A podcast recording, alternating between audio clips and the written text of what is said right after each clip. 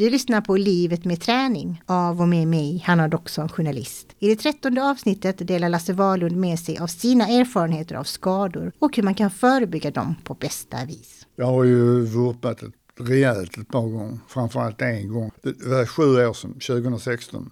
Och jag hade, varit, jag hade cyklat 10 mil, sen skulle jag köra ut till det här koloniområdet Elinlund och eh, jag kom inte längre än till ett dagis och sen vaknade jag upp på akuten med eh, sex styng i huvudet och eh, vimmelkantig. Så jag hade kört omkull där ute. Och det, det typiska var då att eh, som, jag hade en ganska ny cykel då. Så det första man frågade mig var var är cykeln? Det är lite typiskt cyklist. Det som väl var det här var den lokaliserad. Men, men det var rätt jobbigt faktiskt. Och jag vet fortfarande inte vad som hände. Någon har ju uppenbarligen hittat mig och ringt ambulans och fått in mig. Och polisen har förmodligen varit där, men de la ner utredningen direkt. Va? Men jag vet faktiskt inte, det, det var liksom på en cykelväg bakom ett dagis där ute. Va? Min egen teori är att, att en bil backade ut utan att titta och jag har liksom försökt väja och ramlat. Eller någon kanin har sprungit ut som jag liksom inte såg och kört på. Du är ändå liksom en av de rutinerade cyklisterna. Ja, alltså jag, sen har jag, jag körde, året efter körde jag på en liten unge också, men det var, ja, det var rätt obehagligt för att jag kom på en cykelväg. Plötsligt kommer det en liten unge ut från en lekplats på en trehjuling. Och jag hinner ju tänka att jag kommer köra på henne va? och jag kommer ramla och det kommer göra jävligt ont. Va? Men hennes lilla cykel var tydligen så pass bra så den, men jag, jag flög över och landade på, på sidan här och slå axeln riktigt ordentligt. Hon klarar sig så, men man kan ju tycka lite att kanske föräldrar borde varit, det var ju en cykelväg som gick precis utanför. Det var där parallellt med Annetorpsvägen alltså, ute vid kalkbrottet. Det gick bra med flickan hon vi tröstade sin mamma och så Och jag, min axel klarade sig hyggligt i alla fall. Men jag fick ju köpa en ny hjälm i alla fall. Har du något tips på hur man ska ramla på ett smidigt sätt? Då tänker jag lite på skidåkning här, för där man ska ju ramla på ett visst sätt så man inte slår sig. Har du något tips på när det gäller cykel? Alltså jag har inget tips för att det, det, ibland går det så fort, man hinner inte reagera. Alltså det är som det bara händer.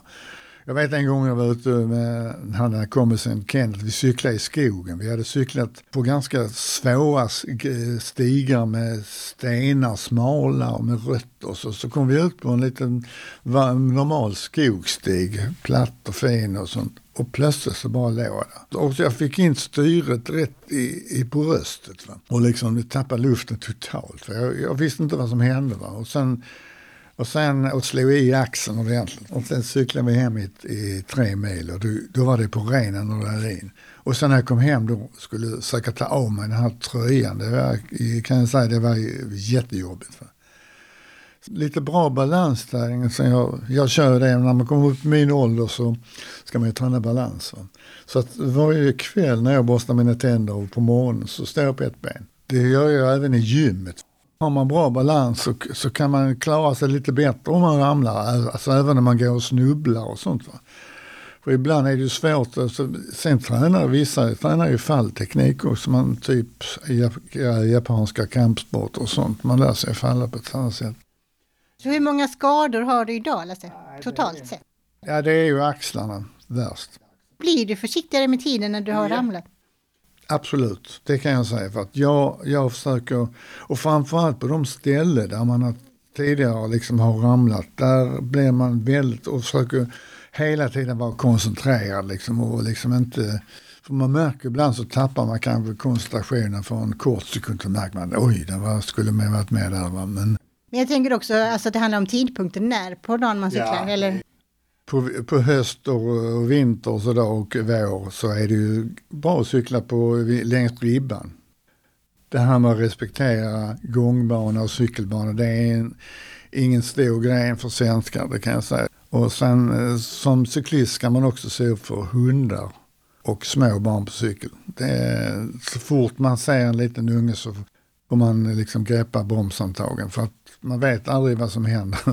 Och hundar likadant men det, jag tänker just när man som nybörjare då ska börja cykla på landsväg, då är det, det kräver ju mycket. Det ska du ha koll på cykeln såklart. Ja. Men du ska ju också ha koll på bilarna. Även om du kanske kör jättetidigt, men sen kommer de plötsligt och då får du ha koll.